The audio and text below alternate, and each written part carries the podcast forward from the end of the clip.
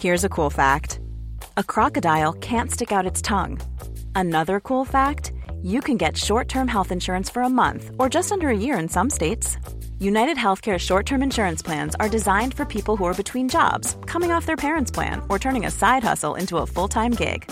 Underwritten by Golden Rule Insurance Company, they offer flexible, budget friendly coverage with access to a nationwide network of doctors and hospitals. Get more cool facts about United Healthcare short term plans at uh1.com. Nå, Pelle, nu øh, spørger jeg dig endnu en gang, hvor er vi på vej hen? Altså, vi har cykelhjelme på. Ja, det har vi. Vi skal måske to kilometer fra vores hjem, så vi har pakket Christiania-cyklen. Ja, der er podcastudstyr, og jeg sidder på min gamle cykel. Den er så gammel og slidt. Jeg håber, den holder hele vejen. Ja. Men øh, den har taget imod på mange gode eventyr. Ellers er det heldigvis ikke længere, end du kan løbe siden af. Nej, hvis det går helt Eller galt. sidde i Christiania-cyklen. Men prøv at høre, det er jo ikke det, der skal Nej. dreje sig om, fordi vi skal hjem til en, som jeg glæder mig sindssygt meget til at besøge, fordi at, øh, jeg synes, hun repræsenterer rigtig mange fede værdier.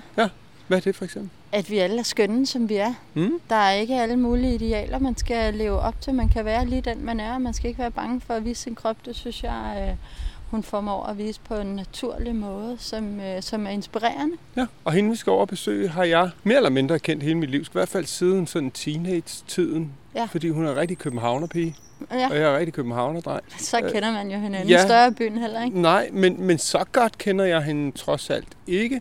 Så har vi jo været øh, kolleger i mange, mange år på tv og i, sådan i, i medielandskabet. Men jeg kender faktisk ikke hendes rejsevaner. Det gør jeg heller ikke rigtigt. Jeg- Ikke andet end jeg så, at hun var i USA samtidig med, at vi var det. Ja, og hun har to børn med også en af mine gamle gode kolleger og, og bekendte Asker.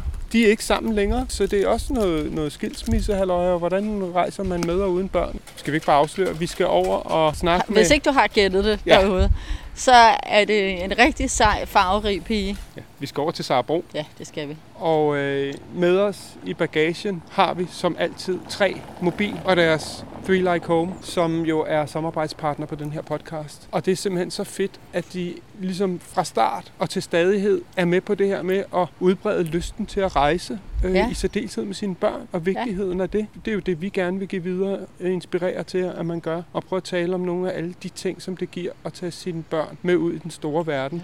Det behøver ikke nødvendigvis være om på den anden side af jorden, men, men bare lige væk fra hverdagen og se noget andet end den vanlige vej fra A til Vær B. sammen. Ja. Nærvær. Præcis. Og nu skal vi over og høre Sara om nogle af de ting. Ja. Så selvom vi ikke bor Three Like Home, fordi vi bliver i Danmark, så er tre stadig med. Og vi skal forhåbentlig også lidt ud i verden sammen med Sara. Det glæder mig til. Ja. Lad os se at komme afsted. Let's go. Op på cyklen, mamma. Yes. Vil du køre først? Ja. Velkommen til, Børn i bagagen. Hvor vi, Pelle, Og Karoline Venegård rejser ud i verden med vores datter og kone. og deler det hele med jer. Velkommen ombord. Nu trykker jeg på den her. Det er også meget lækkert udstyr, det der, var. Ja, og vi har lige måttet købe den her, fordi vi har udvidet. Vi har bare haft sådan en til to. Mm. Fordi vi har jo lavet Ja. noget, vi har rejst, ikke? Ja. Så tænkte vi, nu skulle vi udvide med det her. Og mikrofonerne ser også gode. Ja, jamen, der, er, der, jeg tror, der er ret god lyd. Vi har i hvert fald ikke fået klager over det. Nej. Nå, Mm. Sabro, tv og radiovært. Ja. Du har øh, du overtog monopolet. Ja. Måske Danmarks mest lyttede radioprogram. Er det ikke det? Ikke måske, det er det Det er helt sorry. Yes. og så har du din egen baby, Hjerteflimmer for voksne. Mm. Og den blæser også derud af. Ja, Altså den anden har du overtaget. Det er et skide sjovt program at være vært på. Og Ja. så har du så det andet, som du selv sidder. Jeg tror, du var i gang med at klippe, Ja, vi ja. kom, ikke? så Så- sidder jeg hjemme og klipper det. Så for dem, der bare tænker, her kommer øh, Diva Sara bare ind i studiet, Nej, bla bla bla, så sidder du nu. Nej, så er, det, Jeg elsker at klippe, ikke? så er du båndene med hjem i Ja. tasken. Jeg har regnet mig frem til, du er 48 år. Ja, godt regnet, Ja. Pelle. det kan du bare, det der med at regne. Flot.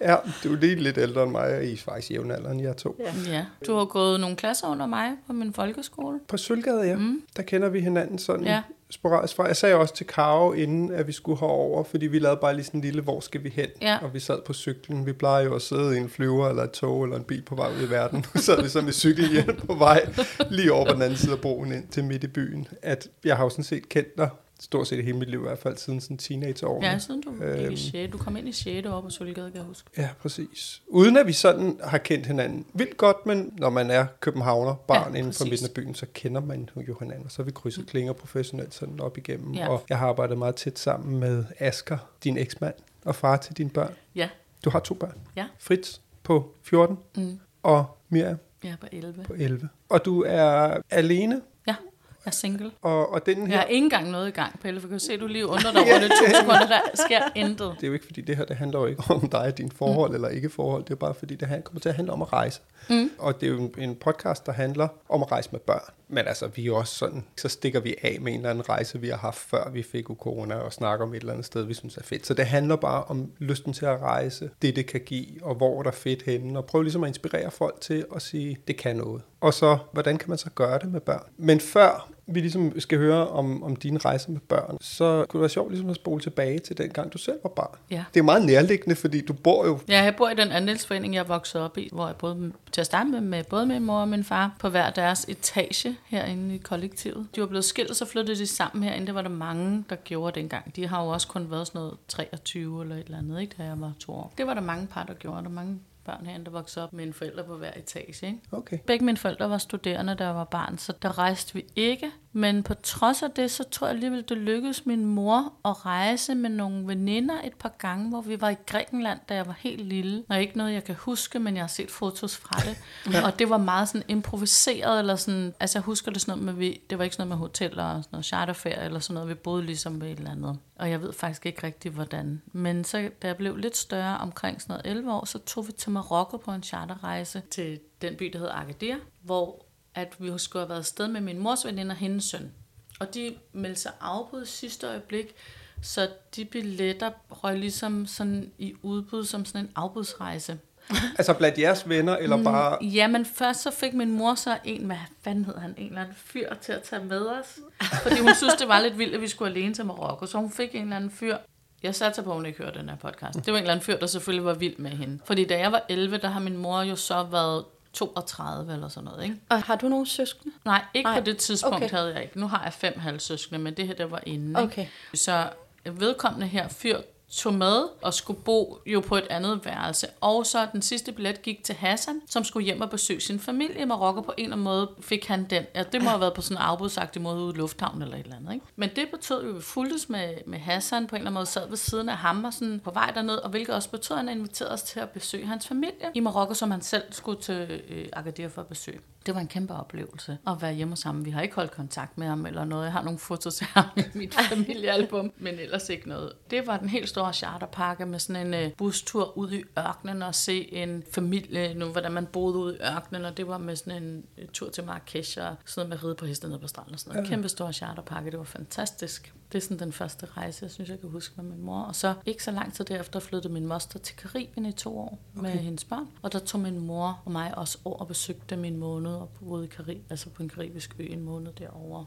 Hmm. Og boede ligesom hjemme hos dem. Så det var jo mere som, det var det stik modsatte, ikke? Hvor vi jo både havde en hverdag ligesom sammen med dem i sådan en lille bitte, virkelig, virkelig fattig landsby på en karibisk ø. Ja. Når du tænker tilbage på de der ture, altså hvad, hvad gav det dig, eller hvad betød det for dig?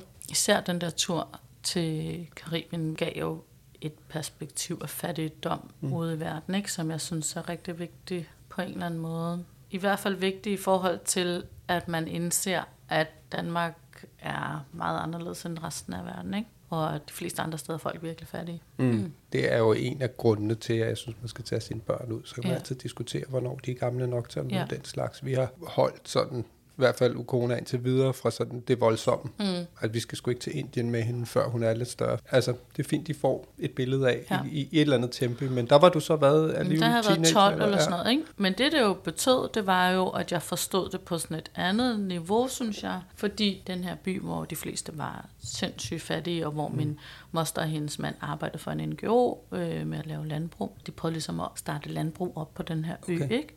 Det var virkelig sådan fattigt. Altså, det var, vi snakker udendørs kloakker og ikke nogen toiletter og sådan noget, ikke? Men de havde stadigvæk en hverdag, altså som var... Det var ikke den fattigdom, man måske ser i Indien, hvor, hvor de bare mm. ligger og er meget, meget syge eller sådan, men de var bare super fattige, de havde ingenting, men de gik jo stadigvæk i skole hver dag, og forældrene havde jo nogle forskellige former for arbejde. Jeg fik nogle veninder, der var på min egen alder, ikke? og som jeg holdt kontakt med mange år efter. Ej, hvor fedt. Altså, brev lokalt. jo. Pennevenner. Mm, pindevenner, ikke? Jeg havde faktisk også en anden oplevelse, nu vi snakker om det der med pindevenner, at jeg gik til noget børneteater, hvor vi var med på en børneteaterfestival i Bulgarien, da jeg også var der omkring den alder der, hvor vi var måske sådan noget 10, 14, 15 danske børn fra den her børneteatertrup, der tog ned til sådan en international børneteaterfestival i Sofia. Ikke? Og det var også virkelig vildt. Det var første sådan oplevelse af det her, hvor der var meget, meget fattigt, men det også var meget sådan gammel kommunistisk styre. Så der var en sindssygt rig præsident. Vi alle os børn var inviteret ud til for Ej, børneteaterfestivalen. vildt, ja. ikke? Øh, så man så det der sindssyge palads, han boede i, og der var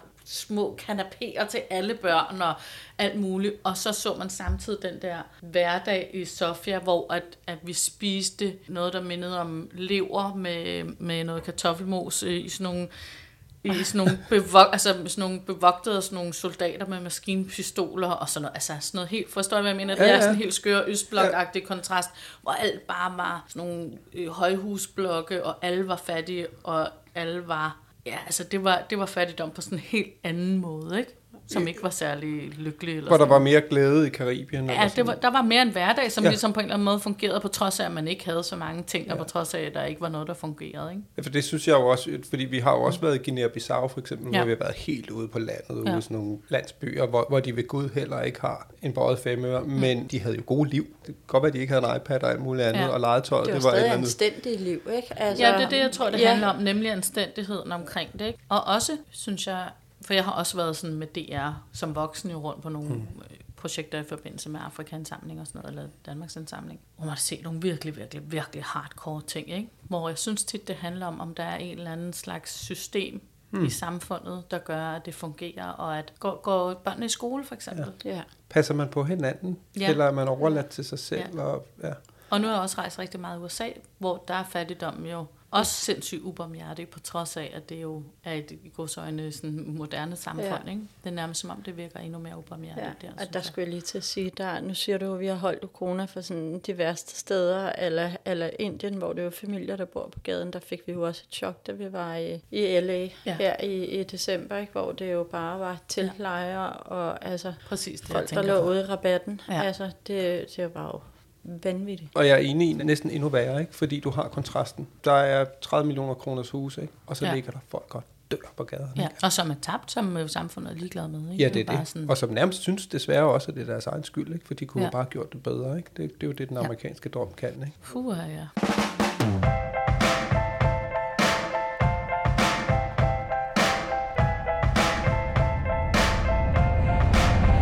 Du lytter til.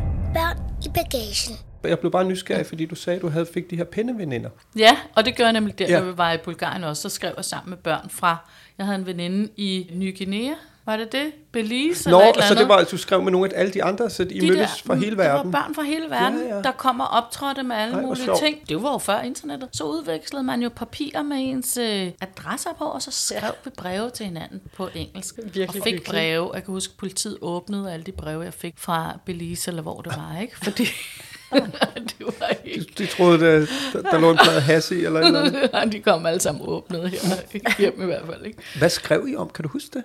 Så prøv bare at skrive om vores hverdag, sådan husker jeg det. Ja. Og hvilket var jo dybt underligt. Jeg er lidt ked af egentlig ikke at gemme de der breve, fordi det var jo dybt dybt underligt at skrive. Når man mødes som børneteaterfestival, og vi var jo sådan noget 11-12 år dengang mm. også, så møder man jo bare nogle andre børn, og man kan ikke rigtig kommunikere så godt, men en lille smule, og man har det bare sjovt og griner og ser hinanden optræde. Man ved jo ikke, hvor hinanden kommer fra, og alle sammen i sådan en underligt lukket kommunistsystem ja. i Sofia, ikke? og til en eller anden præsident og sådan noget. Ikke? Altså, kørte afsted i nogle busser og sad på nogle lange rækker og spiste lever med kartoffelmos og sådan noget.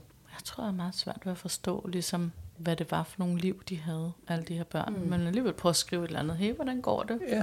Jeg er træt af min klasselærer. Ja, jamen var det i virkeligheden Det mange af de sådan samme ting? Altså, Jeg viste det. Nej, okay, fint. Det kunne bare være sjovt. Ja, altså, hvis man ligesom siger, at i virkeligheden nu, er det, er det det samme Også tænk, teenage-gøjl hvis i jeg hele bare havde verden, ikke? gemt en af de Ja. personers Ja. adresse, så kunne jeg tage ud og fundet Det Ja, godt, det kunne ja. virkelig have Ja. været sjovt. Men der var, jeg kan huske, jeg havde også en pindeven fra Sverige eller sådan noget. Ja. Og kan det passe, at bag Arne Sandbladen eller Ja, sådan noget, så der var der præcis. pindevenner, man kunne Ja. skrive til. Ja. det Jeg tror, det var Man sådan, jeg fik en sine pindeven. interesser, og Ja. så stod vi, jeg interesserer mig for de her ting. En form for børnetinder. Ja. Ja.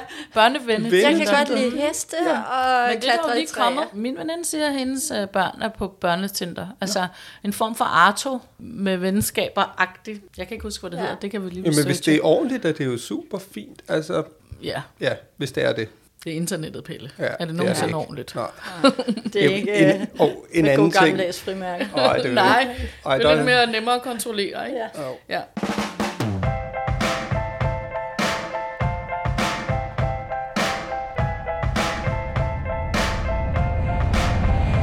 Lytter til. Børn i bagagen. Jeg kommer simpelthen også bare lige til at tænke, du sagde den der tur til Marokko der, hvor der skulle nogen med, og så sagde du Grækenland. Ja. Jeg kan huske, da jeg, og det var også fordi du sagde, nu håber du ikke, din mor lytter med, så håber jeg heller ikke, min far lytter med, for så kan vi også lige starte med at udlevere ham. Fordi jeg var i Grækenland på Kreta, da jeg var 10 år, tror jeg. Det står egentlig som sådan en af mine første jeg havde været på noget fredsbars, gik til Mm. Paris, da jeg var 6 eller sådan noget. Ikke? Men så var vi i Grækenland nede og besøge nogle af hans gamle kollektivistvenner, og så skulle vi ud og gå ned gennem Samaria-kløften, som er sådan 14 km, og det kan jeg bare huske var hårdt. Og så kommer vi ned for enden. Det var også fordi, du sagde, de, der var heller ikke planlagt en skid eller et eller andet. Og, og det var det samme, så kommer vi ned, så han tænkte, vi kunne bare sove på stranden. Det havde han jo gjort øh, sammen med min mor. Som, der var sådan nogle hippie grotter, man sov Ja. i alle sammen, og så mødte de hinanden på kryds og tværs og alt muligt. Så vi kunne også bare sove på stranden, og jeg kan huske, vi kommer derned, og jeg var fuldstændig færdig efter at have gået ned gennem mm. den der kløft, og så, jamen herovre der er et klippeudspring, og så kan vi sove der, og der stank af pis derinde, og vi lå der, og så begyndte det bare at pisse ned ikke? om natten. Så forbarmede han sig ligesom, og så kom vi hen og fik stampet et eller andet hotel op, og fik sig et, et eller andet sted at sove. Og så næste dag, så sidder vi nede, og det var ligesom, nu var det mig og min far, der var afsted, og jeg kan bare huske, at så var der nogle damer, Øh, jamen, det var lidt ligesom du fortalte mig ham der, der skulle Ja. med din mor der, Ja. ikke? Og så, øh, så var han ligesom optaget, så jeg gemte mig, og jeg kan bare huske, at det endte med, at der var sådan en kras tjener, der kom ud og med en lommelygte og fandt mig, så jeg var jo ikke løbet langt væk, Nej, men nej. jeg havde gemt mig mellem to huse, ikke? Hvorfor du gemt dig, Pelle? Jamen, fordi- Du synes, det var irriterende, at han øh, var optaget noget andet? eller Ja, hvad? han var der på ferie med mig, ja. Og det var bare sådan, ja, jamen, det var virkelig, øh, det, var, det, hvor gammel var din far? Han har sikkert heller ikke været så gammel. Jamen, det var også det, vi ja. havde jo unge forældre. Ikke? Ja. Det er bare sjovt, når jeg, når jeg tænker på nu, når vi rejser, vi snakker jo enormt meget om, hvordan vi jo lytter til Ukonas behov, mm. og, og det er jo ikke bare for, at hun sådan skal være sådan helt kølingagtig og sådan mm. noget, men det er jo også fordi, det gør jo også bare noget godt for en selv. Glade børn giver bare en, øh, en bedre ferie på en eller anden måde. Ikke? Men det der, det var bare, det var, også, det var fandme også vilde tider. Altså, og, altså, vi har også nogle egoistiske forældre, men det var også fordi, de havde jo heller ikke fået løbet hornen ordentligt af sig, vel? Så, så det går Nej, og der var jo en indstilling til, at man bare tog børnene med. Ja. Altså, og børn på en eller anden måde var ikke børn på samme måde, som man er børn i dag i hvert fald. Der fandtes ikke køllingforældre rigtigt dengang Nej, i hvert fald. det gør Og der helt, ikke. helt sikkert. Men det er sjovt, I har jo haft sådan nogle lidt, øh, lidt mere uplanlagte ferier. Jeg har Ja. været meget ude at sejle med min far og, og mor om sommeren, og så har vi været på skiferie, og så har vi været på charterferie. Så det var sådan meget standard ned at blive hentet i en bus og hen til et hotel. Ikke? Ja. Men jeg synes jo, det, der har givet mig, det er en nysgerrighed på verden omkring mig. Jeg elsker at komme ud og dufte til nye steder. Hvad er der her, og hvordan er maden? Og jeg synes virkelig, det har sat en enorm nysgerrighed i gang hos mig i forhold til, hvordan er verden omkring mig. Og det lyder det jo også til. Det har, ved jeg, det også har for dig, Ja, ja. Pelle, men så du har jo også været godt omkring, Jamen, jeg ikke? har i hvert fald altid været, sådan, været rigtig vild med at rejse, men jeg har aldrig følt, at det var noget, jeg kunne gøre alene. Det har jeg jo så først begyndt på nu her som voksen, fordi jeg altid synes, det var ret utrygt på en eller anden måde.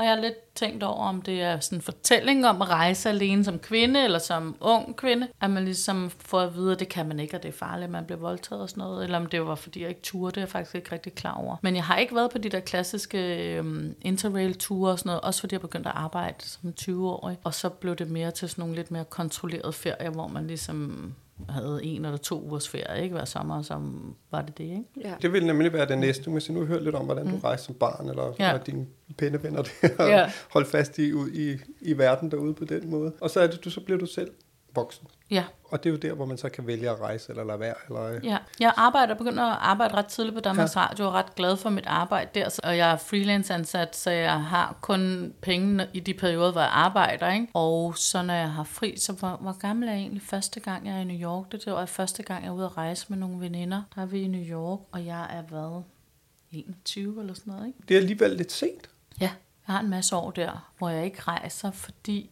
ja, eller hvad? Nu kan jeg slet ikke huske, hvad jeg lavede det. Og der det kan virkelig være svært at huske tilbage. Ja. Men jeg tror heller, jeg Mm, jeg rejste havde heller ikke så ikke, mange før penge. jeg var sådan i starten af 20'erne. Nej. Midt 20'erne. Jeg havde Start ikke nogen 20'erne, penge. midt 20'erne. Jeg havde ikke nogen penge. Jeg arbejdede som frokostpikoline og sådan noget. Og ja. lavede film jo. Jeg lavede jo dokumentarfilm. Så jeg havde ikke nogen penge, før jeg startede på Danmarks Radio. Og så havde jeg råd til at tage sådan en tur til New York og besøge min venindes kusine sammen med min veninde. Hvilket var ret fedt. Og der besluttede jeg ligesom i New York, der skulle jeg bare bo. Så det var sådan første tur som voksen, du Ja, husker. jeg Hvorfor New. York? Jamen fordi, at øh, det er jo, altså New York er jo byen, synes jeg. Alt, hvad man overhovedet har set i film og tv-serier hele ens barndom og ungdom, er jo på en eller anden måde med base i, i New York, også selvom det er optaget i LA. Finder man jo ud af senere, at det er så bare en ja. eller anden sætstykke i LA, men det var stadigvæk New York. Og derfor har New York bare altid været sådan en fuldstændig magisk by. Og hvad det, det må have været et eller andet også, fra jeg var barn. Fordi jeg kan huske, at min far faktisk lovede mig, at vi skulle til New York sammen. Så fandt han ud af, hvor dyrt det var, og så kom vi aldrig afsted. Så New York har altid for mig været sådan en mytisk by, og da okay. jeg første gang kom der til, så levede den fuldstændig op til de forventninger. Altså, det er en fuldstændig fantastisk by. Altså, jeg har været der her for nylig i sommer alene for første gang, hvor jeg har, jeg har siden fundet ud af, at jeg har en tante der, øh, som jeg har besøgt enormt mange gange, sammen med kærester og med min familie og sådan noget. Hun har været mange gange i Danmark, og hun blev så 90 i år, oh, øh, hvor at jeg tog alene derover, uden øh, børn eller noget, og boede, lagt et værelse hos en af mine veninders veninder ude i Brooklyn, og så fejrede ligesom fødselsdag med min tante inde på Manhattan, ikke? med hendes veninder og hendes øh, amerikanske familie. Mm. Kæmpe, kæmpe kæmpe ting. Så New York, det blev, er det simpelthen ligesom blevet sådan et home away from home? Eller? Jamen, det kan man jo ikke sige, for jeg har aldrig boet der eller arbejdet der. Det har altid kun været ferie. Okay. Ikke? Jeg elsker bare den by. Men hvad gør det for dig? Jeg ved det ikke. Jeg elsker bare, at det er... Du har virkelig følelsen af, jeg tror, det var første gang, jeg oplevede det. For det første har du følelsen af, at der er så højt til loftet. Der er, der er, ikke, der mm. er ikke en bestemt måde at være på. Der er bare, jo mere du er anderledes end alle, jo bedre. Ikke? Og du kan i princippet også alt kan lade sig gøre. Mm. Hvis du er heldig, hvis du rammer den rigtige, så kan du gå ind ad døren wherever og ligesom få en karriere, hvis du vil. Ikke? Det er ligesom sådan, det er den rigtig sådan magiske by, hvor at man, hvis man er der på det rigtige tidspunkt, jeg kan huske den der første tur, hende vi besøgte, hun gik på sådan en, øh, en eller anden teaterskole eller musicalskole derovre. Hun var en dansk pige, halv russisk, halv dansk, øh, og ligesom havde gået på Bolshoi-balletten i, i Moskva som okay. barn, og var blevet danser for Touren Limited, sådan en hollandsk band, og så var endt i New York på sådan en scholarship på en eller anden musicalskole. Og i dag der er hun vist med i et eller andet større band. Jeg kan ikke huske det i LA selvfølgelig. Men vi har jo været meget unge, ikke? Hun, været, hun har måske været 19, og vi var 21 eller et eller andet. Og hun boede bare der helt alene, og ligesom hostlede sig igennem tilværelsen. Og en ting, hun ligesom sagde til os ret hurtigt, det var, i skal være søde mod alle, for I kan aldrig vide, det der ligner den største bums, han kan være direktør for det bedste teater på Broadway. Så alle I taler med, I skal være høflige og søde, og det var virkelig sådan en, virkelig sådan en lektie, mm. fordi sådan er man jo ikke i Danmark. Der er man jo meget sådan fordømmende over for andre, hvis de er anderledes, eller hvis de ser i går så en fattige ud, eller hvis de ikke ligner noget, så, så dømmer man dem meget hurtigt på deres udseende. Det var virkelig sådan en skole i der, sådan, hey, alle kan være alle. Vi er nødt til ligesom at være høflige og opføre os ordentligt, fordi det kan være din mulighed, du brænder af, hvis du mm. ikke opfører dig ordentligt. På gaden, på en eller anden bar, på en eller anden ja. brunch sted eller et eller andet. Ikke? Så lærte jeg at drikke mimosaer der. også den Men jeg synes også, New York har altid stået for mig som sådan en by, hvor alt er muligt. Mm. Altså, hvis du vil det, så kan ja. du alt. Var det Fame, den hed, den der film? Ja.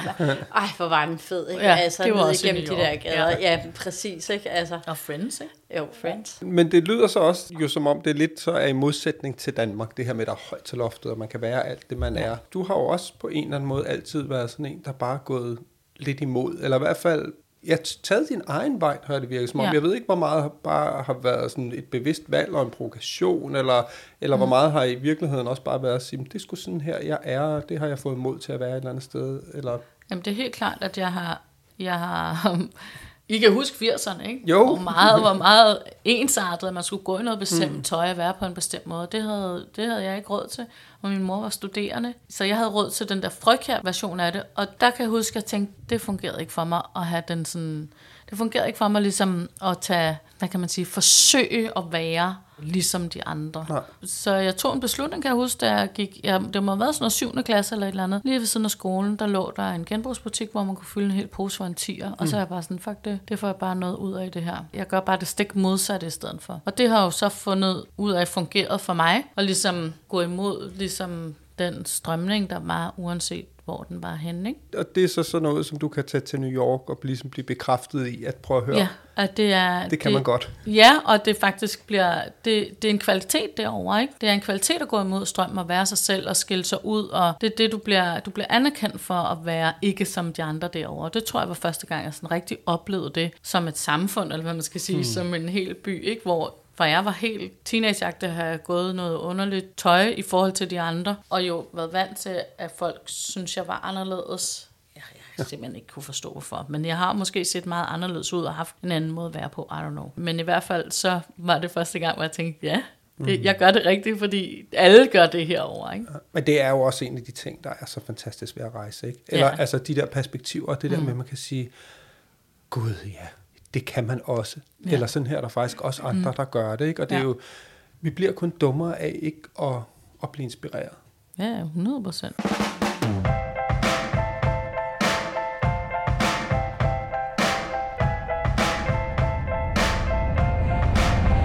Du lytter til. Børn i bagagen. Det er jo så sådan lidt med, hvordan du rejser som voksen, mm. og New York er kommet til at fylde en Ja. del, og har inspireret dig. Ja. På et tidspunkt møder du Asger, Mm. Og I får, I får børn. Ja. Hvordan rejser I ind? Altså rejser dig og Asger Ja, sammen? vi tog faktisk en tur tværs over USA. Havde vi planlagt, fedt. for det var sådan en drøm for os begge to, og vi øh, planlagde sådan en fire ugers rejse. Jeg tror faktisk, vi blev gift, og så planlagde vi det som en bryllupsrejse. Og vi så startede i LA og var der en uge, og så skulle vi køre tværs over ind i New York en uge. Og så fandt jeg ud af to dage inden vi rejste, at jeg var gravid. så det blev en helt anden tur. Og jeg havde planlagt, fordi jeg var bare mega træt. Og jeg skulle bare have kanelstænger. Det kan man Det ikke det er, vel? Ja, man kunne få sådan nogle cinnamon bun, havde sådan nogle Ja. underlige stænger. Jeg skulle bare have noget med kanel. Og det skulle var jeg bare have hver dag. Så gengæld kaste jeg op, hver gang jeg drak kaffe. Eller spise noget med æg. Og jeg var helt fucked, jo. Jeg kunne ikke. Det gav USA, jeg kunne ikke ja. Og så var jeg meget træt, ikke? Okay. Nå, nå, men det var pisse sjovt alligevel, ikke? Det var en skide sjov tur. Så det var ikke planlagt, du skulle være gravid? Jo, for jeg brugte ikke noget prævention. Fordi vi vil gerne have børn, men jeg vidste, man ved jo ikke, hvor hurtigt det Nej. går, altså, eller hvordan det lige forløber. Der har jeg alligevel været sådan noget 32 eller eller andet, ikke? Hvor meget havde I så planlagt for turen til LA til New York? Havde I ligesom sagt, så havde I delt det op, så, Ja, vi så kører vi stop, det her, ikke? og så Ja. har vi hotel her. Havde I booket det Nej, hele på nej, forhånd? nej, overhovedet ikke. Så du har faktisk taget lidt med for dine forældre, det der med at tage afsted, og så Ja. finde ud af det undervejs. Jeg har rejst sindssygt meget i Thailand faktisk også, da jeg var yngre, også før internettet, altså der i mine 20'er, hvor det var det allerbedste, jeg vidste. Tog, vi tog bare altid til Bangkok, mig og den kæreste, jeg havde dengang, og så var det, når vi stod i Bangkok Lufthavn, så var vi sådan lidt, hmm, så havde vi nogle idéer nogle steder, vi har været før, eller noget, vi godt kunne tænke os. Så, så startede vi bare et sted, så rejste vi bare rundt i Thailand i nogle uger, og så tog vi, sluttede vi af med nogle dage i Bangkok, og så hjem igen. Og det var jo før internettet, så man kunne ikke på den måde planlægge, det var enormt underligt at sådan skulle Ja. booke hoteller og sådan noget. Ikke? Så det var altid, når man kom til en ø, så stod folk med sådan nogle mapper, Ja. hvor de viste Ja. det her, det her, det her. Og så havde vi bare hørt fra nogen, vi vil gerne ud på den der strand, og så tog man bare en taxa ja. derud og fandt et eller andet sted.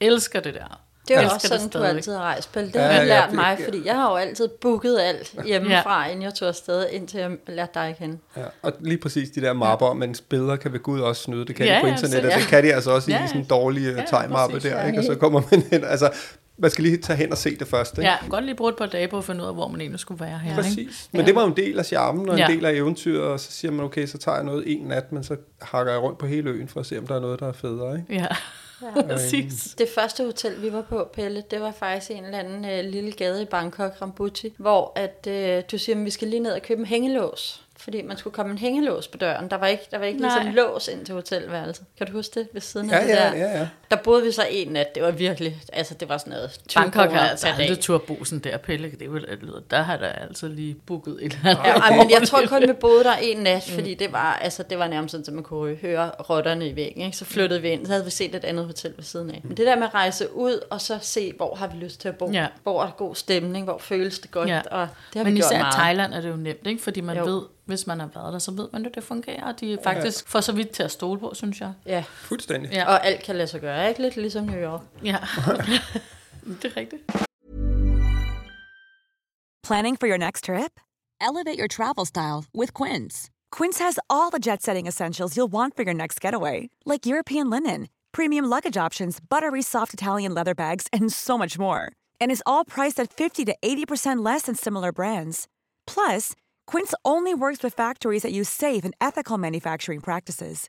Pack your bags with high-quality essentials you'll be wearing for vacations to come with Quince. Go to quince.com slash pack for free shipping and 365-day returns. Hi, I'm Daniel, founder of Pretty Litter. Cats and cat owners deserve better than any old fashioned litter. That's why I teamed up with scientists and veterinarians to create Pretty Litter. Its innovative crystal formula has superior odor control and weighs up to 80% less than clay litter. Pretty Litter even monitors health by changing colors to help detect early signs of potential illness. It's the world's smartest kitty litter. Go to prettylitter.com and use code ACAST for 20% off your first order and a free cat toy. Terms and conditions apply. See site for details.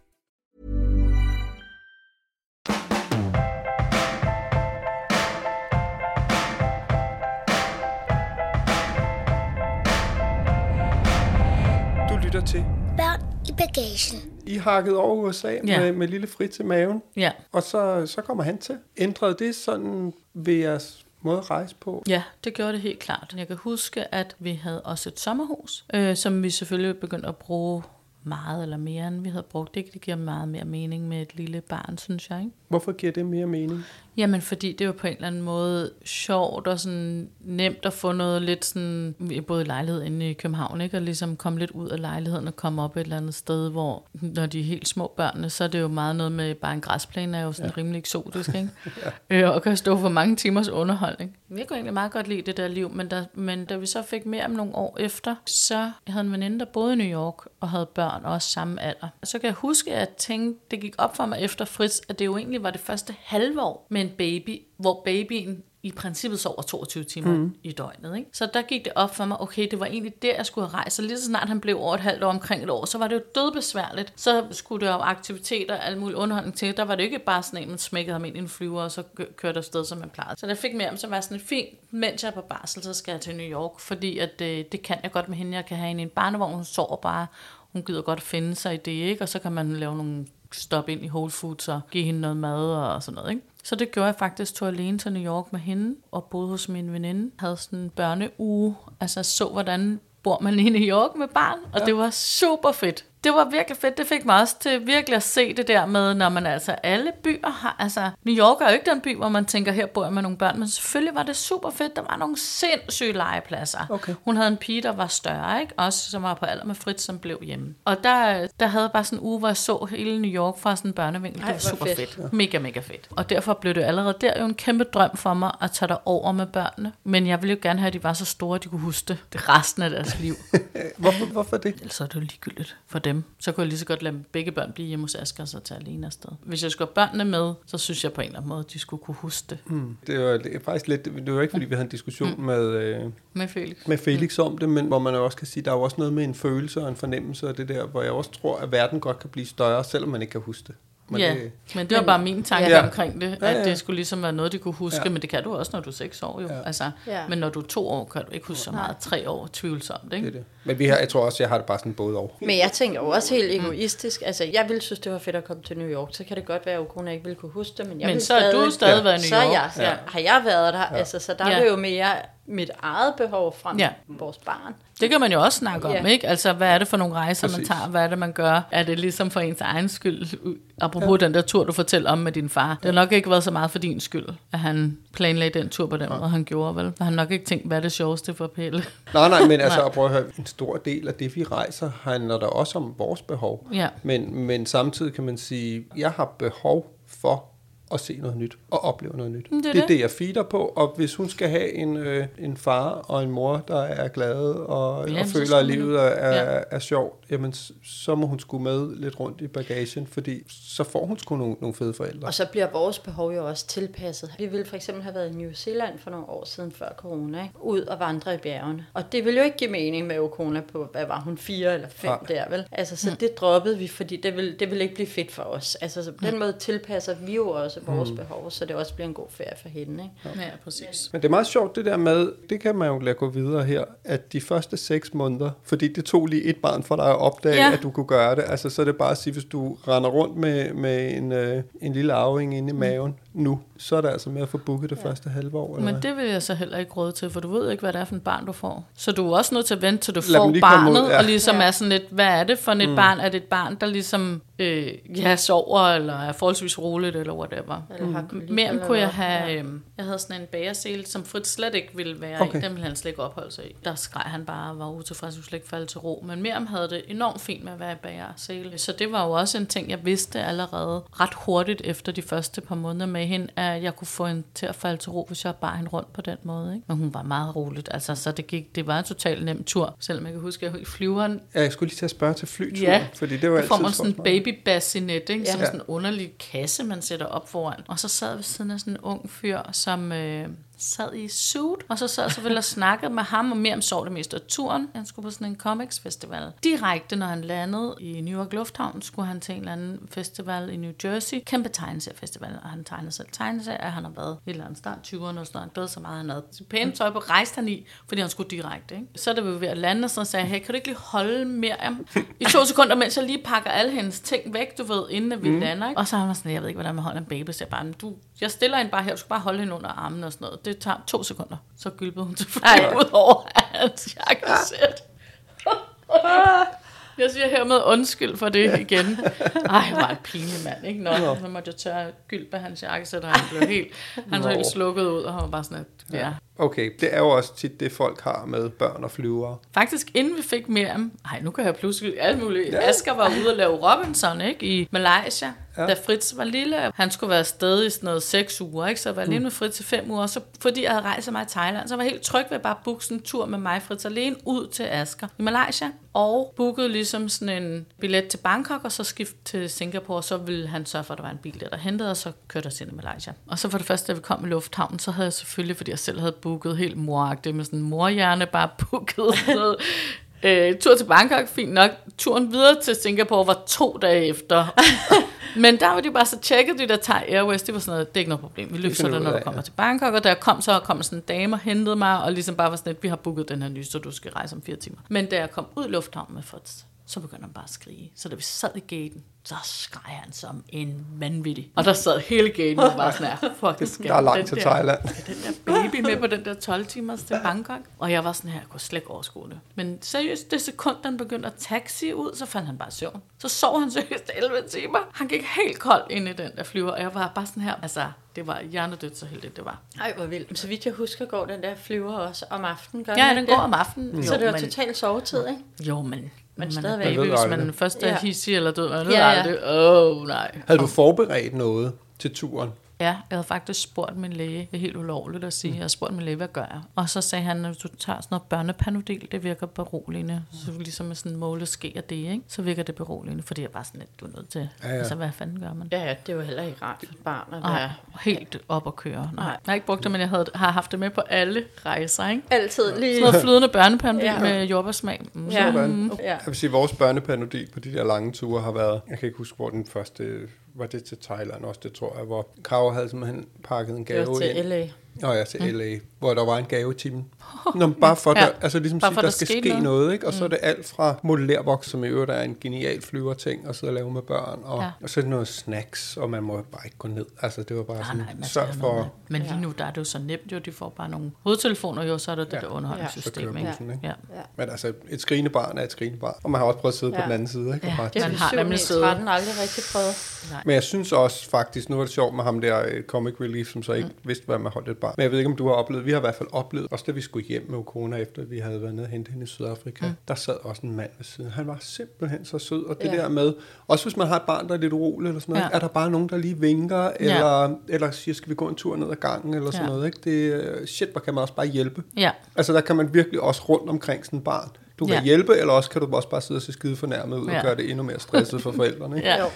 Så. Der er virkelig mange derude, der har søde til sådan at vinke igennem sæderne. Ja. Og, Når man rejser alene Altså- med barn, jeg har også prøvet at rejse alene med, med han var helt lille til London og besøge en veninde. Det er utroligt hjælpsomt, det synes jeg. Især når man er sådan en enlig mor. Jeg ved ikke med enlig far, om det er lige så meget hjælp, man får. Jeg har ikke, men jeg har ikke enlig prøvet at rejse mor, med hende alene. Men, mm, ja. en enlig Nej. mor, det er totalt virkelig meget hjælp, kan man får, noget. ikke af alle. det bobler frem med, med rejser. Så var jeg, i tanke oh, jeg har rejst rigtig meget i Thailand, og så var vi lige i Malaysia, og så var Ja. vi der her. altså, der er en ting, jeg gerne vil spørge om, fordi jeg så, du har surfet. Jeg så lige sådan et billede på din Instagram, ja. Hvor at du surfede igen efter mange år. Hvad var det for en billede? Mm, Det var et, hvor du surfede i Costa Rica, hvor, at, Ja. øh, hvor du skrev Det er noget første med... gang, jeg har været på sådan en rigtig surfferie. Det var simpelthen mm. en surfferie. Ja, Hvad synes du om det? elsker det. Så fedt. Jeg surfede i Klitmøller nogle gange, prøvede det der for første gang. Så var det første gang, jeg var på sådan en rigtig ferie, altså okay. hvor det kun var det, ikke? Det var pissefedt. Ja. Havde du børn med, eller var det? Nej, det var uden børn. Ja, så smiler du. Ja, ja. det var dejligt.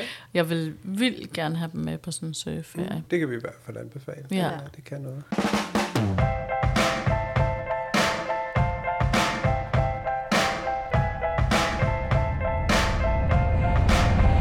Du lytter til i bagagen. Så der er Asger, I blev skilt af, hvornår er det 16 eller sådan noget, eller hvornår er... Ja, 15, ikke? Ja. ja. Hvad så med rejser derefter? Jamen, det blev jo nemt, fordi så har man jo ferie hver for mm. sig. Så kan jeg jo rejse både med børn og uden børn, hvad jeg ligesom havde lyst til. Men vi har faktisk aldrig rejst om sommeren. Vi har altid været i Danmark om sommeren og prøvet at rejse rundt her i Danmark, ikke? Mm. fordi at der er sindssygt mange dejlige steder. Det har vi også alle sammen fundet ud af under corona, det jo er virkelig, virkelig dejligt at bare være i nærheden. Og det har mine børn også synes var pisse fedt. Jeg solgte bilen, og så var jeg sådan lidt nervøs over, hvad gider de så overhovedet. De synes, det var pisse fedt, når vi skulle fra være til Sville nu hos min mor, og så skulle derfra til Samsø hos en af mine venners mor, der bor der, hvor vi skulle være en uge. Så skulle vi ligesom først med et ene tog, og så med et andet tog, og så med en færge, og så stod jeg på færge. Altså hele den der transportting, synes de bare pissehammerende sjovt. Det havde din fest med. Og ja, det, ja, det har det stadigvæk, selvom det er store, ikke? Så vi, vi har været på skiferie her i påsken med tog også, ikke? Det synes ja. jeg også bare var pisse hyggeligt og fedt. For det er meget sjovt, for det er jo netop sådan noget, som mange sikkert vil tænke, åh oh, nej, og det er skide besværligt, og børnene vil ja. have det og sådan noget. Men de synes bare, det er et eventyr. De synes, det er fedt. De synes også, det er dejligt, at vi kan sidde og snakke sammen alle sammen. Det er de sådan ordret sagt, har Fritz var sådan, ellers så sidder du jo bare og kører bil, så sidder vi om bag og mm. kigger ind i nakken på dig. I toget kan vi sidde og snakke sammen og spille et eller andet og sådan noget. Ja, de synes bare, det er mega grineren. Så det er helt klart det, jeg helst vil sammen med dem. Altså, det er at finde en eller anden sjovt sted at tage hen med tog eller anden offentlig transport. Ikke? Kæmpe drøm for mig at tage, øh, altså backpacke med dem, eller sådan noget. Og helt klart, at vi skal afsted igen med tog på skiferie, ikke? når jeg har mulighed for det. Men det er jo også dejligt, når man er skilt, så kan jeg jo også tage på nogle andre rejser, hvis jeg har haft en kæreste, eller nu her, hvor jeg begynder at rejse alene. Så er de hos deres far, og så kan jeg god samvittighed rejse et eller andet sted og lave noget, som jeg ved, de ikke gider. For eksempel en vandretur i Schweiz, som jeg ved, de vil ikke give at vandre tre timer om dagen, sådan som det er nu, vel? Var det din første sådan, tur alene? Ja. Uden at bo hos nogen, du kender? Ja. ja. Jeg har bare booket hele turen alene og boet på hotel. Hvordan ja, var det? det var pissefedt. Mm. Det var også meget velovervejet Schweiz, fordi der er helt klart nogle steder, hvor at øh, man ikke, synes jeg, rejser lige så nemt alene. Jeg kunne ikke tænke mig at tage til Rom alene, for eksempel. Jeg er sikker på, at ligegyldigt hvor jeg sad henne på en restaurant og spiste, så vil der være nogen, der vil øh, komme over til mig og hele tiden spørge, hvorfor jeg er her alene, og ja. om vi ikke skulle spise. Altså du ved, jeg vil helt klart blive approachet rigtig mange mænd, hvis ja. jeg var alene i Rom, 100% sikker. Mm. Og i andre lande, hvor det er på den måde, hvor der er helt klart mange lande, tror jeg, hvor man ikke kan sidde alene og mm. spise, når, som, når man er kvinde. Men øh, Paris har jeg hørt også skulle være pisse nemt, hvor det ligesom okay. bare er super almindeligt, at man går ud alene. Og der i Schweiz var det helt straight, helt stille og roligt alene. Ja. Det, det, der var slet ikke noget problem i det ja. overhovedet. Det var pisse fedt. Har du nogle rejser i bogen? Som jeg skal? Ja. Nej, men jeg har en drøm om at komme til Costa Rica igen med børnene og surfe. Ikke? Ja. Så det prøver jeg at se, om, om kan lade sig gøre næste gang. Jeg har ja. dem til jul, ikke? som er ikke her nu, men næste jul. Okay, så men, det er ligesom der i vinteren? Ja, det er der, kan rejse længere tid. Ja. Ikke? Mit arbejde kan jo ikke bare rejse ligesom Nej. midt på sæsonen. Det kan jeg kun omkring jul eller i sommerferien. Ja. Men så har jeg været ude at rejse med fire uger i USA. Ikke? Ja. Det er jo ligesom det, som jeg ligesom har ventet og ventet og ventet på, at det blev store nok til. Så lige inden corona havde jeg lige fået lov til, fordi jeg ikke havde sådan et ugenligt program på det tidspunkt, havde jeg fået lov til at tage fire uger. Jeg havde sådan noget overlov, og det havde jeg lagt i maj, fordi vi har venner i Florida og i LA, ikke? og som min tante der i New York. Og jeg drømte så mange år at kunne rejse med børn børnene endelig havde råd, og jeg havde sparet op til det. Og så kom corona sådan lige, inden, lige der, hvor jeg skulle til at købe billet. Så I kom aldrig afsted? Vi kom aldrig afsted. Og så skete der jo alle mulige andre ting, og så ventede vi så her i december. Så skulle jeg finde nye, et nyt sted, hvor jeg kunne komme afsted fire uger i træk, mm. som er ret svært i mit arbejde. Men det lykkedes så her i december 21. Så der planlagde jeg tur der, men det var lidt noget andet at være i New York i december. Ja. lidt, lidt koldt, ikke? Men Florida og LA var ret sjovt jo stadigvæk. Og der tog vi først en uge til Florida, så tog vi videre med fly til LA, og var der en uge, så tog vi tilbage til Florida og holdt jul med de der venner, vi har boende der. Og så tog vi toget faktisk, den originale togstrækning, fra Jacksonville til New York. Nå, fedt. Øh, fordi jeg havde en idé om, at det var pisse fedt. Det var skide kedeligt. Nå, hvorfor? Der var ikke noget at se på den togstrækning. Altså, det var bare igennem industrikvarter og alt muligt, så det var pisse. Men så har vi prøvet det. Ja. At rejse 20 timer i tog i træk. Mig og børnene, og de ligesom prøvede det, og vi fandt ud af, hvordan det fungerede. Og sådan noget. Det var pisse fedt, og så var vi i New York til sidst i en uge, ikke? og så tog hjem derfra. Og hvad synes børnene om den tur? De synes, Florida var fantastisk. Så det var Florida, der var deres? Ja. Hvad var fedt ved Florida for Jamen, det er en, min veninde bor der i en lille bitte by ud til Atlanterhavet. Sådan noget tre gader væk fra Atlanterhavet, der hedder Atlantic Beach. Og det er bare sådan en lille samfund, hvor man cykler rundt i gaderne, og alt er helt slow motion-agtigt og varmt, og den der strand bare er samlingspunkt for hele byen. Man tager der ned efter skole, eller når børnene var taget skole om morgenen, så tog vi der ned med hendes hunde, og sådan, det hele var bare sådan helt amerikaneragtigt. Ej, det lyder også fedt. Og så nogle Trumpians, der stod nede på stranden og var sådan der, I skal ikke blive vaccineret, fordi det er jo vaccinen, man får corona af, og sådan noget. Okay. Lala. Men du ved, det var virkelig spændende på den måde med de voksne, men som sted var det bare fantastisk. Ja. Og var der bare sådan en lille bitte samfund, alle havde swimmingpools. Ja. Børnene synes jo bare, det var genialt. Det kunne de godt. Ja, fuldstændig. Ja. Hvordan havde de det med, med New York og LA? Jamen, LA besøgte vi min veninde, og det var stadigvæk under corona, så der gik man med mundbind Ja, i og vi var der, vi var der Ja, vi faktisk var der samtidig. samtidig. Ja. Ja. Så det, det var jo, de synes, det var hyggeligt nok, og vi var også oppe at hike og sådan noget. Men de synes, det var fint nok, men det var helt klart, at det var jo ikke sådan, det var ikke så børneagtigt som Florida. Vi kom jo lige fra et sted, hvor he, en hel by bare var indrettet på at være børnefamilie, og man Ja. var hos hinanden og spise og legede alle mulige ting, og alle havde en swimmingpool og et rum fyldt med Lego og sådan noget. Ikke? Så det var jo noget andet, øh, og New York var, var rigtig hård. Og apropos det, vi startede med at tale om, det der med at se fattigdom, så var det især i New York, at der var helt klart, det kunne jeg godt mærke, at de også blev påvirket af. Jeg blev super påvirket af det, fordi der var sindssygt meget fattigdom i New York på det Okay. tidspunkt. Det er helt klart, at covid ligesom har gjort noget ved Der er den sket by. noget ekstra derovre, desværre. Ja, og det kan man mærke. Vi boede i Brooklyn. Vi havde byttet hus med nogle venner, der så var boet her hos os i julen. Og jeg kunne bare mærke, at der var ligesom, når man tog Subwayen, altså man blev nærmest anbefalet ikke at bruge Subwayen, fordi at der var så meget kriminalitet, ikke? fordi folk var så pressede, og man kunne godt mærke det, når man gik på gaden, og der var, der var en presset stemning alle steder, det var der sgu. Det blev de selvfølgelig også påvirket af, så de var ikke sådan kæmpe fans af New York, hvilket jeg var vildt skuffet over, fordi det bare er min by. Ja. Jeg var sådan, nej, men alle... øhm, jeg håber, vi kan komme tilbage en anden gang, når det er sommer, ikke? Ja. Mm. Og der ikke er corona. Altså, der er jo et eller andet med USA, der skulle have falmet lidt, ikke? Eller sådan, det havde ligesom sin tid, ikke? Og så... Men jeg ved ikke, om det også er fordi, at man, når man har fået børn, så ser man noget andet, som man måske ikke så mm, de gange, jeg har været i USA, da jeg var yngre, har jeg måske slet ikke været opmærksom på det på samme måde. Der er jo kommet mere fattigdom her under covid, men alligevel, så er der jo et eller andet, man ser igennem ens børns øjne. Der ser man farne på en anden Mm. måde, ikke? eller man ser det, de ser måske for første gang. Og Man det kan ikke bevare sådan en distance til det, Nej. fordi man bliver nødt til at oversætte det. Og, også fordi de ser det, ikke? Jeg var i New York første gang, da jeg var 13 Ja. med min far. Og der kan jeg huske, der var vi nede i Subwayen, og det var altså virkelig graffiti i 80'erne, ikke? Og Ja. der var, det var sådan rimelig råt. Ja, det har der Og- været i 80'erne, ja. ikke? Der var meget kriminalitet ja. dengang. Ja, og så sidder vi dernede, og jeg, og jeg synes bare, den var stor og beskidt og farlig. Mm. Og så sidder vi dernede i Subwayen, og så sidder der en eller anden kvinde med sit barn. Og så tror jeg, at min far lige sådan rykker på sig i sædet, eller eller andet, så står der en eller anden står og bare kigger på mig og siger, if you wake up my baby, I'll fucking kill you. Og der sad jeg bare 13 år gammel, Ja. og jeg tænkte, lad mig komme ud af den her Ja. by. Ikke? Så, så mit Det var første... også sådan- min eneste regel, jeg gav til børnene. Det var at lade være med at kigge nogen i øjnene, når ja, vi er nede i Subwayen. vildt? Okay, Og så ej, hvor skulle- vildt. Ja, Subwayen, der skal man ligesom... Hvad er din egen boble? Ja, ja, for det er det eneste sted, hvor alle religioner, nationaliteter, hudfarver, mm. seksualiteter, alle er nødt til at bruge den Subway. Derfor der holder man sig bare for sig selv. Og vi fik jo også nogle oplevelser dernede, men jo ikke nogle ubehagelige, men det var jo mange ting, der ligesom er tilspidset dernede, ikke? Og Mm. der er jo også hjemløst, der bruger Subway og sådan noget, så det er helt klart et virkelig særligt sted. Ja. Og i 80'erne der var der jo sindssygt meget kriminalitet. Helt vildt. Og så er det jo ham der Rudy Giuliano jo rettet op på det. Han har ryddet op. Ja, og så har han så tabt småkagerne fuldstændig sidenhen, ikke? Men det er også derfor, at de sidste mange år, når man har været i New York, så har det jo været sådan, okay, sikkert, det føltes sikkert, synes jeg, at rejse der. Men det var helt klart en anden stemning nu her. Altså, der var helt klart meget, meget mere fattigdom alle vegne. Ja.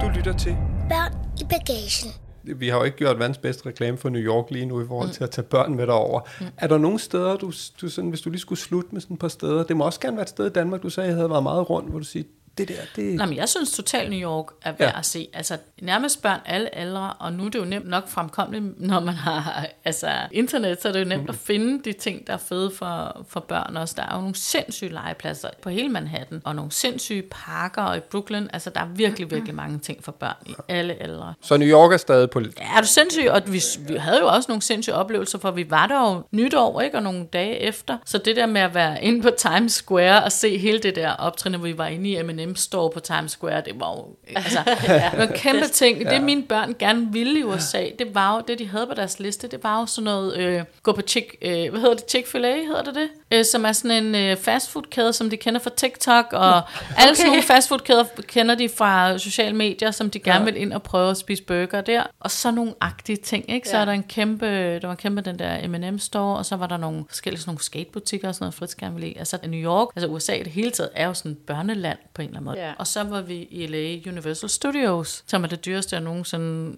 har købt til mine børn. Og det var så fuldstændig sindssygt.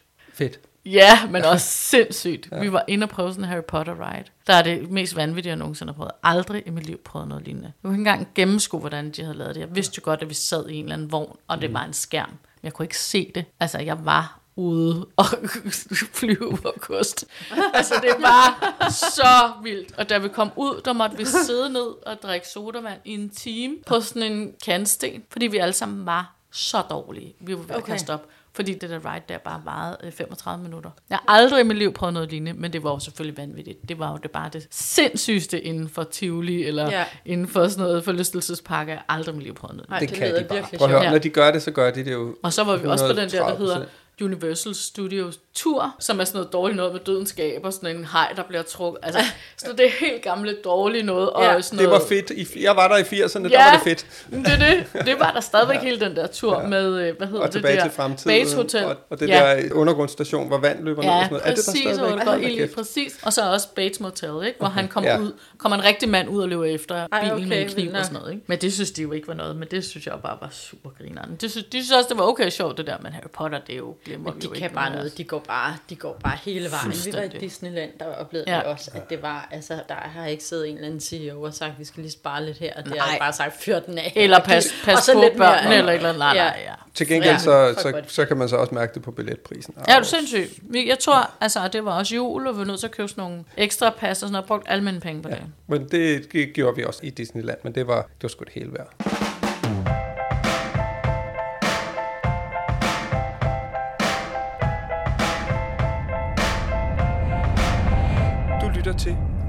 I bagagen.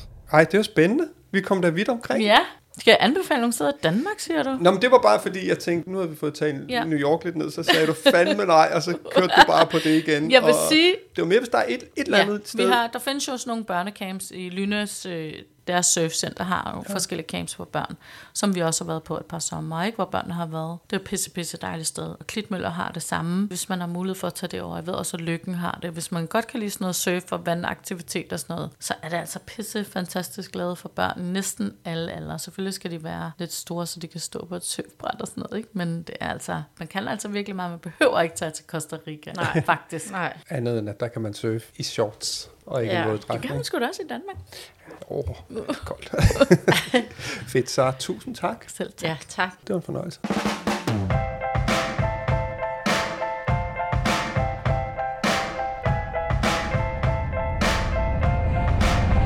Du lytter til. Børn i bagagen. Nå, så har vi snakket med Sara. Det var sgu fedt. Det var sjovt at høre om, øh, om hendes ture og hendes kærlighed til USA, og i særdeleshed New York. Ja, og så hendes to år med hendes børn, hvor de måske ikke lige synes, det var helt så fedt, ikke? Jo. Sådan er det Ja, jo. men jeg tænker, at de, alle de der store fede legepladser, dem gad jeg godt at opleve i Brooklyn og i New York. Ja, vi har jo som egentlig talt meget sådan imod store byer, ikke? Mm. Øh, fordi det kan bare være svært med børn, Ja. ja. men altså hey. Jeg blev også inspireret til Florida, sådan en lille øh, community, sådan øh, væk fra det mest turistede, og bare surfe og strand og hygge. Ja, men prøv at høre, jeg elsker hendes energi. Ja, Det var en fornøjelse.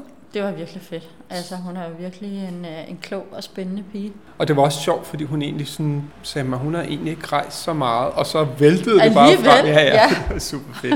Nå, vi skal slutte med også at sige tusind tak til tre. Det er så fedt, at de er med med uh, Three Like Home. Nu har vi ikke selv været ude at rejse den her gang, men vi har dog været rundt i verden. Og hvis man er det, med eller uden børn, så er det altså en kæmpe fordel at have Three Like Home. Ja. De er i så mange lande, og det betyder, at man kan bruge sin telefon og sin, Streame og... ja, data til danske priser, eller det, man har inkluderet. Så det kan vi anbefale. Tak og, til dem. Ja, og tak til jer, fordi I gider lytte med. Ja. Vi håber, at I kan lide det her koncept. Gå ind og tjek vores øh, Instagram ud, og gå ind ind og anmeld, hvis I, I synes, det er fedt. Og skriv til os, hvis I har spørgsmål eller kommentarer. Ja. Det er kun dejligt at mærke, at jer derude. Præcis. Ha' en, øh, jeg ved ikke, om det har været en god dag indtil nu, men så må- håber jeg i hvert fald, I, I, jeg skulle til at sige fortsat god dag, men håber, I får en dejlig resten af dagen. Det kan også være, at det er en aften, I så får en god nat. Vi Et ved eller ikke, hvornår I hører det. Nej, Men det prøv at høre, ha' det godt. ja, hej. Du lyttede til Børn i Bagagen, og du kan finde billeder til dagens afsnit inde på vores Instagram. Børn i bagagen. Tak fordi du lyttede med. Håber, du vil med igen næste gang. Vi ses! Hey, it's Paige DeSorbo from Giggly Squad. High quality fashion without the price tag. Say hello to Quince. I'm snagging high-end essentials like cozy cashmere sweaters, sleek leather jackets, fine jewelry, and so much more. With Quince being 50 to 80% less than similar brands. And they partner with factories that prioritize safe, ethical, and responsible manufacturing. I love that. Luxury quality within reach. Go to quince.com slash style to get free shipping and 365 day returns on your next order. Quince.com slash style.